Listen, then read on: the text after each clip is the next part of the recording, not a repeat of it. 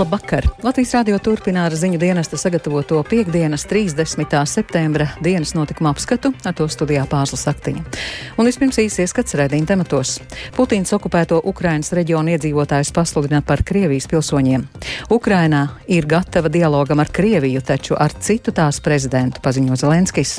Eiropas ministrs spriež par enerģētikas cenu mazināšanu. Vēlētāju aktivitāte iepriekšējā balsošanā augstāk nekā 13. saimnes vēlēšanās vēlēšanās. Lai nestāvētu lielā rindā. Mēs cerējām, ka nebūs tādas rindas. Bet es pieļauju, domu, ka, ka rītdiena būs vēl trakāka. Sākas Latvijas pasta abonēšanas kampaņa. Lielākā interese par vietējiem preses izdevumiem.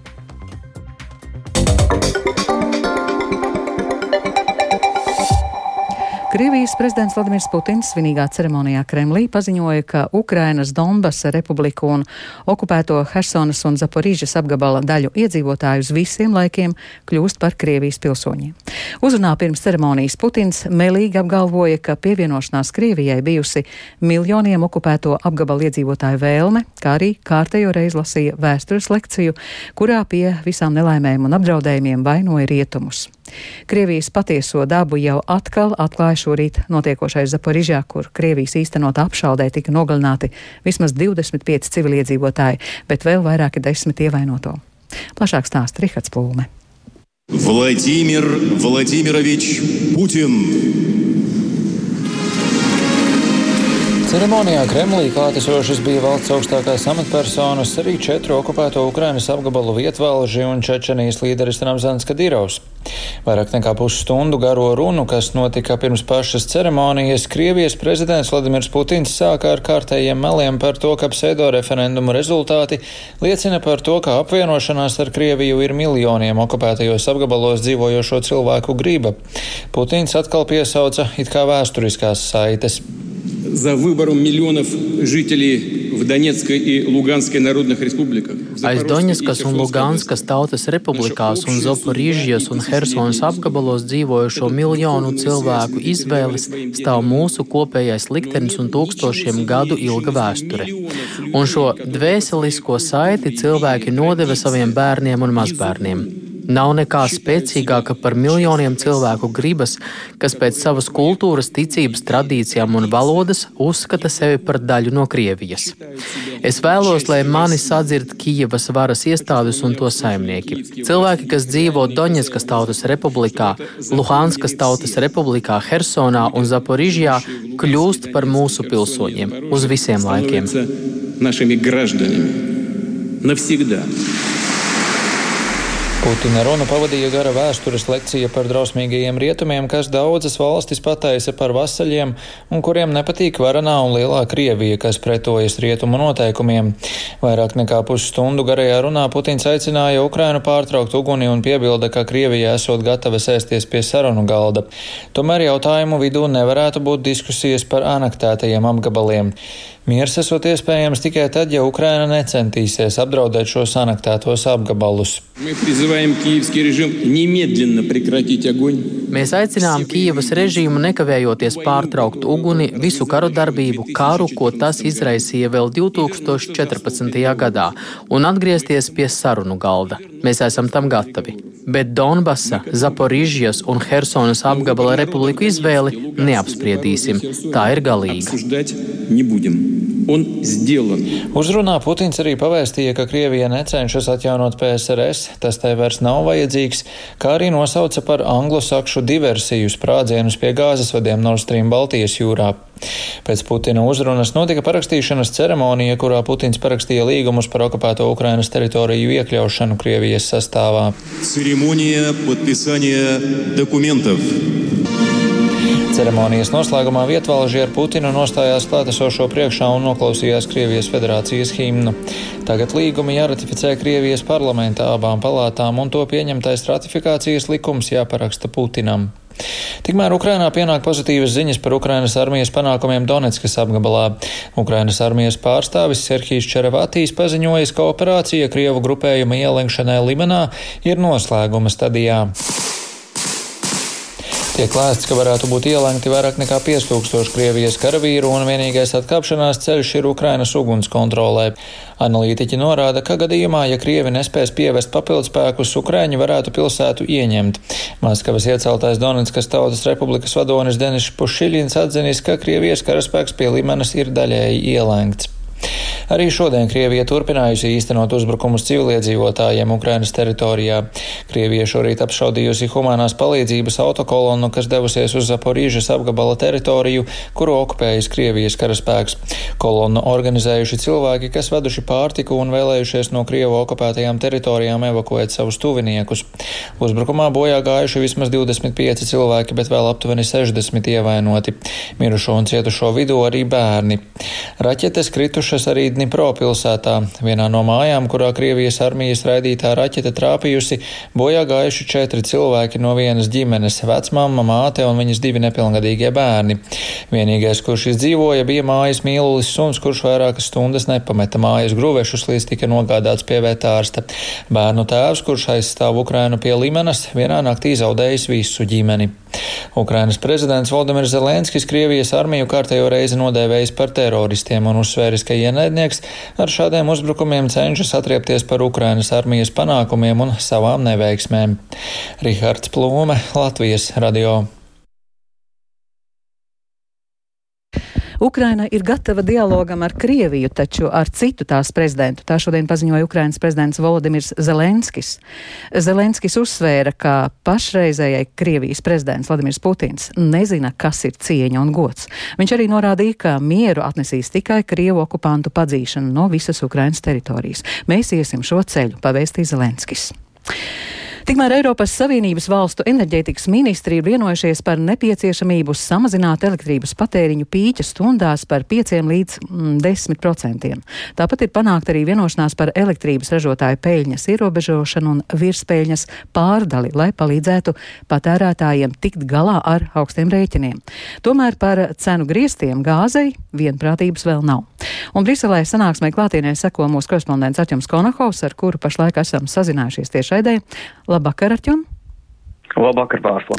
Ministru sanāksme nesen noslēgusies. Pastāsti lūdzu, kādēļ valstis nevar vienoties par gāzes cenu griestiem? Gāzes cenu griezt vienmēr ir bijis sarežģīts jautājums, un no paša sākuma ir bijis skaidrs, ka tas nebūs vienkārši risinājums. Protams, tas skan vilinoši no vienas puses, ka ir jāatņem Krievijai tie, tas ienākumi, ko tā gūst no šī kāra, no energoresursu pārdošanas, bet ar pārējām valstīm, um, protams, tik vienkārši vienoties nav iespējams. Un arī mēs, protams, zinām, ka Kremlis iepriekš ir izteicies, ka viņi būs gatavi atslēgt gāzes uh, piegādi jebkurai valstī, kas noteikti jebkādus cenu ierobežojumus. Tāpēc te ir jāskatās, kā uz šādu soli varētu rēģēt Ungārija, kas, pieņemsim, joprojām saņem gāzi no Krievijas un izmanto to pietiekami aktīvi. Tā vietā šobrīd tiek runāts par to, ka komisija varētu piedāvāt šaurākus cenu griestus. Tā ir tikai tai gāzai, kas tiktu izmantota elektrības ražošanai. Šī ir jauna ideja, tā vēl tiek apspriesta, bet, kā uzskata komisija, šāda varētu pazemināt elektrības cenas. Un uh, paklausīsimies, ko šodien sanāksmē ir teikusi Eiropas Savienības enerģētikas komisāre Kadri Simpsone. As you know, I believe that we cannot address Kā jūs zināt, es uzskatu, ka mēs nevaram piemērot vienādu risinājumu gan Krievijai, gan mūsu uzticamajiem partneriem. Tādēļ mums ir jālikvidē tos faktorus, kas stimulē Krievijas vēlmi manipulēt ar gāzes piegāžu apjomiem. Risinājums tam ir skaidrs. Mums ir jānosaka cenas griestus visai Krievijas gāzei, ne tikai tai, kas nāk pa cauruļvadiem, bet arī sašķidrinātai gāzei. Un ar tiem partneriem, ar kuriem mēs varam vest sarunas, mums ir jāvieno vienojas par cenu koridoriem.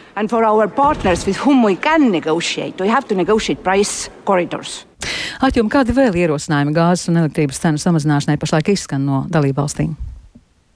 Izskan dažādi ierosinājumi un tiek runāts arī par to, ka tomēr, ja tiktu nonākt kaut kāda ierobežojuma noteikti sašķidrinātai dabasgāzei, tad te ir riski par piegāžu drošību un ka Eiropai tomēr ir jāsaglabā sava reputācija un jāmēģina uh, tomēr pildīt tās solījumus, kas ir līdz šim bijuši. Bet uh, viens no būtiskiem jautājumiem ir tas, kā valstis atbalsta uh, savus uzņēmumus, savus patērētājus, un tas notiek katrā valstī atšķirīgi, un uh, lielie uzņēmumi šobrīd uh, tiešām saņem atbalstu un prasa atbalstu, un te ir vērojams problēmas ar to, ka uh, potenciāli šis varētu radīt tādam nevienādus, nevienlīdzīgas konkurences apstākļus, un par to arī runā Luksemburgas enerģētikas ministrs Klots Turmes.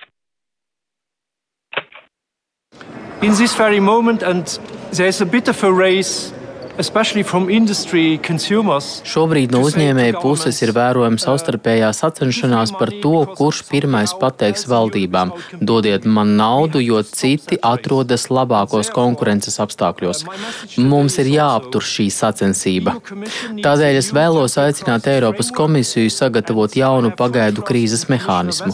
Es pilnībā uzticos tam, ka komisāre Vestagere pieliks punktu šiem neprātīgiem mēģinājumiem no dažādām valdībām valdībām izkonkurēt vienai otru tik sarežģītā situācijā. Un vēl Arķom par kādu citu tēmatu Eiropas komisija šodien nāca klajā ar rekomendācijām, lai padarītu stingrākas Krievijas pilsoņu pārbaudes uz Schengenas zonas robežām. Ko tieši komisija rosina? Komisija rosina tiešām padarīt šīs pārbaudas stingrākas, un galvenais vēstījums ir tas, ka ja ir aizdomas, ka cilvēki grasās palikt Eiropas Savienībā ilgāk nekā 90 dienas, ko atļauj parastā turista vīza, tad cilvēkiem var vai nu vīzas neizsniegt, vai arī šīs, um, šo cilvēkus pat tad, kad viņiem ir vīza, var neielaist uz robežas, un arī jāizvērtē robežsargiem, to starp, ka cilvēki ierodas uz robežas stingrāk visus apstākļus un jāskatās, vai konkrētie cilvēki nevarētu būt, teiksim, kāds drošības apdraudējums Eiropas Savienībai. Tātad stingrāka pārbaude un tas fakts, ka vīzas esamība automātiski negarantē to, ka cilvēks varētu tiešām iebraukt valsts, Eiropa, iebraukt Schengen zonas valstīs, iebraukt Eiropas Savienībā. Un tāpat arī tiek rosināts ierobežot turisma vīzu izsniegšanu um, Krievijas pilsoņiem ārpus Krievijas. Ilgtermiņa vīzas, jā, pa dažādi citi um, pasākumi arī ir iespējami, sevišķi pret cilvēkiem, kas ir disidenti, kas varbūt ir neatkarīgie žurnālisti un tam līdzīgi, bet parastās turisma vīzas ar tām uh, tik viegli vairs nevarēs iebraukt saskaņā ar jauniem, jaunām vadlīnijām. Paldies! Paldies! Tik tālu Atjums Konahaus par jaunākajiem lēmumiem, kas pieņemti Briselē. Šodien pēdējo dienu varēja atdot balsis glabāšanai 14. saimnes vēlēšanām. Iepriekšējā balsošanā kopumā savu izvēli izdarījuši 63 tūkstoši, jeb 4,1% balstiesīgo. Šogad vēlētāji teju divreiz vairāk nodevuši savas balsis glabāšanā nekā vēlēšanās pirms četriem gadiem. Trīs iepriekšējās nobalsošanas dienās kopumā visaktīvākie vēlētāji bijuši Valkas novadā. Viena no 66 vēlēšanu iecirkņiem šodien apmeklēja arī Linda Spundiņa.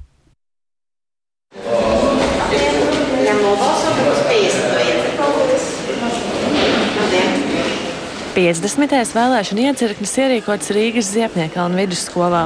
Ja cilvēku daudz, ne tikai skolēni, bet pa durvīm ik minūti ienāk kāds vēlētājs, kas gatavs savu balsi nodot glabāšanā dienu pirms vēlēšanām. Pirmie vēlētāji iecirknī bija pēc deviņiem rītā, pārdesmit minūtes pirms iecirknis sāka darbu. Katram ir savi iemesli, kādēļ vēlas šodien. Kādēļ jūs šodien nākat vēlēt, nevis rīt? Tāpēc, ka es rītā būšu Liepājā lai nestāvētu lielā rindā. Mēs cerējām, ka nebūs tādas rindas. nu, un ieraugot šo rindu, ko jūs domājat par to iet uz priekšu? Nē, ne tik ātri, kā gribētos. Bet es pieļauju, domu, ka, ka rītdien būs vēl trakāk. Tad ir atnācāt šodien. Jā. jā. Vai viegli bija tā dienas vidū atnākt darba dienā, nevis, piemēram, rīt? Esmu atvaļinājumā, tāpēc. Man ir attālinātais darbs, tā kā nosacītais pusdienu laiks. Kāpēc šodien nedīt? Jā? Ir laiks. Ir laiks, jā, jā. Tāpēc, kad es knapēju un es lēnām atnācu. Es zinu, te būs ļoti daudz cilvēku, kad es nevarēšu nostāvēt. Rītā svarīgākas lietas ir. Kādēļ atradāt laiku šodien? Rinda šeit neliela. Dažu brīdi tajā stāv ap 20 cilvēkiem, mirkli vēlāk ap 10, taču kustība ir visu laiku. Iecirknī stāsta, ka pirmajā iepriekš balsošanas dienā balsi glabāšanā nodeva aptuveni 200 cilvēki. Vakar tikpat, taču šodien šis skaits sasniegts jau pirmajās divās stundās. Par vēlētāju aktivitāti stāsta 50. iecirkņa vadītāja Zane Doniņa. Mēs redzam arī teiksim, cilvēku šeit. Šobrīd vairāk nāk tāda cienījama vecuma gada gājuma cilvēki, jā, jo cilvēki noteikti plāno arī savu ikdienu. E, sestdienā tas būs vairāk jūtams, ja mēs arī nojaušam, cikos cilvēki dodas no mājām ārā ikdienas aktivitātēs. Jā, un tad, attiecīgi, tā, tad, protams, kur ir vairāk ir aizņemti, tie nāk iepriekš balsot. Jā, bet arī sestdien domājams, ka būs pietiekami liela aktivitāte. Mēs arī cenšamies uh, skatīties šo te rindu plūsmu, skatāmies, ja ir vecāka gada gājuma cilvēks, kuram ir vajadzīgs, tad attiecīgi arī mēs viņu rindu informējot, sakām, ja kad šim cilvēkam iespējams vajadzētu ātrāk nobalsot, jā, jo viņam arī tās piecas minūtes būt rindā var būt diezgan nu, sarežģīti. Tā viegli bija izdarīt izvēli. Nu, es vēl domāju, man ir divi kandidāti. À, jūs stāvat vēl rindā? Jā, domāju? jā. Un vai uh, bija viegli izdarīt savu izvēli? Jā. Vai zinājāt, ko vēlēties? Jā. Šīs laikos ļoti grūti. Bet nu, tagad stāvot rindā, jūs jau zināt, tieši, Jā. ko vēlēsiet. Jā, jā, zinu. Bija viegli. Izlasīju CVK, viss skaidrs. Izvēle ir skaidra, bet izdarīt izvēli ne, gan nebija viegli. Kas, kas bija varbūt tas sarežģītākais? Oi, viss bija sarežģīti. Kā visu- Izvērtēt visu. Izvērtēt visas programmas, visu, ko piedāvā arī kandidātus mēdīji, jā, un, jā. un uh, viss tas uh, noskatīties, tas visas debātas arī intereses pēc. Tā kā, Bet tā plašāk gājās. jā, jautājumā. jā, protams. Vēlētāji, kas balsis nodevuši glabāšanā, var vēl pārdomāt un balsot rīt atkārtoti. Savukārt tad glabāšanā nodotais balsojums netiks skaitīts. Linda Spundiņa, Latvijas radio. Visi Latvijas rādio uzrunātie cilvēki saka, ka vēlēšanās piedalīsies, ne visi gan ir izlēmuši, par kuru sarakstu balsot. Un arī tas, kā notiek izvēle, atšķiras. Rīgas ielās ar cilvēkiem aprunājās Kristaps Feldmanis. Piedalīšos. Un, Jā. e, gribēju prasīt, vai esat izlēmuši, par ko balsosiet? Īsti nē, konsultējos ar bērniem, jo man neviens nepatīk, bet par kādu jābalso. Politikā ir jābūt cilvēkiem, kuri saprot, kas ir politika, kas ir ekonomika, kāda ir valsts attīstība. Nu, tie man principi. Un tad, jūsuprāt, ir partijas, kur piedāvājumā jūs redzat šīs Jā, spējas? es, protams, to redzu. Mhm. Es galīgi nepiedaru pie vaidētājiem. Doma ir noteikti piedalīties vēlēšanās, taču vēl savu izvēli līdz galam neesmu veicis. Un ņemšu vērā. Grūti pašlaik pateikt, nu, kas liksies tāds labākais pašam. Tāds ir, nu, es esmu cilvēks nacionāls, tad es varbūt skatīšos, kas tādiem nacionāliem principiem var būt. Es noteikti vēlēšu, lai mana balss būtu nodota, bet uh, man favorītu nav noteikti. Nevaru saprast, tāpēc ka visu laiku vieni un tie paši viņi mainās vietām, bet uz priekšu jau mēs nekur netiekam.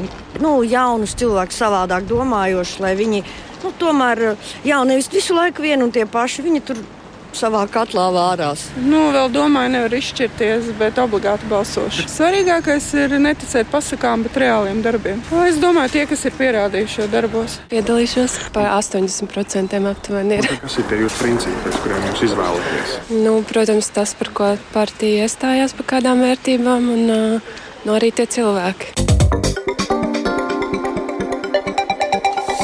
No rītdienas ar aicinājumu apetīti rodas lasot, sāks tradicionālā Latvijas pasta abonēšanas kampaņa.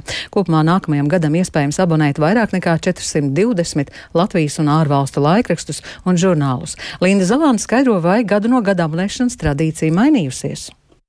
Latvijas iedzīvotāji gadu no gada būtiski nemaina tradīciju abonēt preses izdevumus. Latvijas pasts valdes priekšādātājs Mārcis Vilcāns atzīst, ka bažas par to, ka abonēšanas apjoms kritīsies, ir ik gadus, bet reālā situācija ir iepriecinoša. Katru gadu mēs varbūt bažījāmies, ka kritums būs daudz lielāks, bet pēdējos gados tas ir bijis ļoti niecīgs vai pat tuvu nulē. Līdz ar to es teiktu, ka šī tradīcija ir joprojām spēkā. Šogad kopumā ir iespējams abonēt vairāk nekā 420 Latvijas un ārvalstu laikrakstus un žurnālus. Vilcāns pauž, ka lauvas tiesu Latvijas iedzīvotāji pasūta vietējos preses izdevumus. Jā, varbūt tur gadus atpakaļ parādījās drusku vairāk šie ārvalsti, bet tas apjoms ir salīdzinoši maziņš. Latvijas radio uzrunātie rīznieki atklāja, ka preses izdevumus lasa, bet nevienmēr tos abonē, jo dod priekšroku gan žurnālu un avīžu iegādē kioskā, kā arī interneta saturam. Vēl domāju, bet ierasti citus gadus abonējat?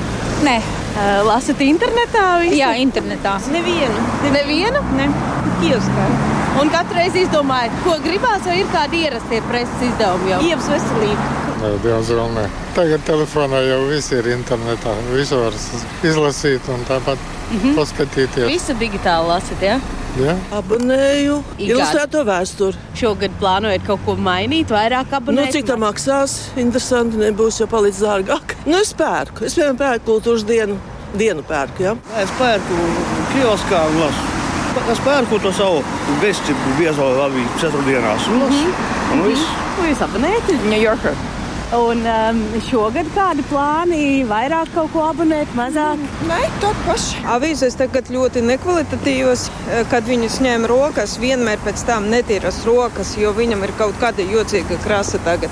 Bet kādreiz esat abonējis? Jā, protams, gan žurnālus, gan avīzes. Aha, un cik gadus esat jau nolēmusi ne, neabonēt? Nu, kādus 3-4 gadus. Vēl daudz reklāmas, ne, nav nekas interesants rakstus un nekvalitatīva krāsa tam papīram. Principā to, kas man ir nepieciešams, izlasīt internetā. Uzrunātie rīznieki atklāja, ka mūsdienās, kad digitālais saturs ik brīdi ir pieejams viedierīcēs, preses izdevumu abonēšana viņiem vairs nav tik aktuāla kā pirms vairākiem gadiem. Linda Zalāne, Latvijas radio. Daugopils teātrī tapusi veļu laikam atbilstoša izrāde. Tie būs latviešu šausmu stāsti. Pirmizrāde būs šīs nedēļas nogalē, ko vēstīs jaunie studējums plašāk Silvijas Smagars ierakstā.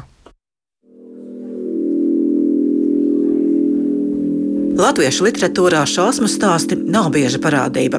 Šausmu žanrs teātrī - retums.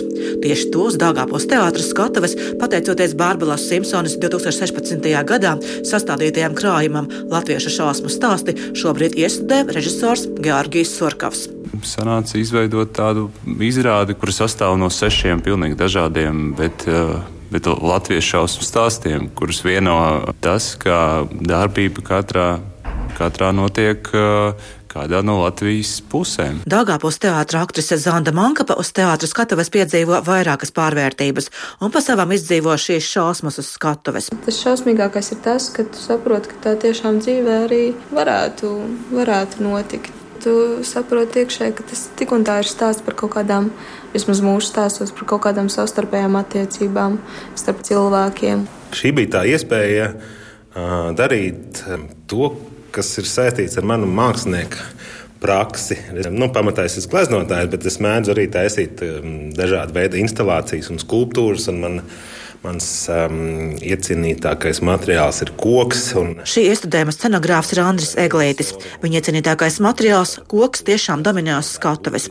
Un šausmu stāsts līdz ar to kļūst, ja tā var teikt, nedaudz siltāki. Nav jau no kā baidīties pasaulē, ka, ka, ka tās bailes ir tāds. Um, vājums un bailes ir neziņa, un, un, un tas, tas drīzāk ir mm, tāds um, pieņemšana, ka, ka, kas aplūst mm, šī pasaule ar viņu pasauli. Man liekas, tā ļoti veļu laikam atbilstoša noskaņa. Nu, vismaz uh, es neesmu redzējis ne šeit, ne arī citās valstīs. Šausmu izrādes veidošana režisoram Georgijam Surkavam gan ir jauna atklāsme pilna. Neko tādu pats uz teātras skatuvēm nav redzējis, un viņš neslēpj, šis žanrs iestudējumam nav viegls.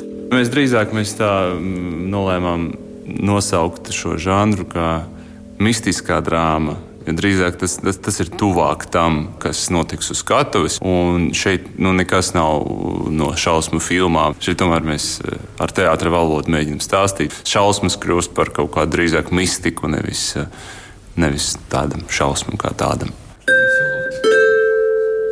Pirmizrāde latviešu šausmu stāstiem Dāngāpos teātrī 1. un 2. oktobrī. Silvijas Smagra Latvijas radio studijā Latvijā.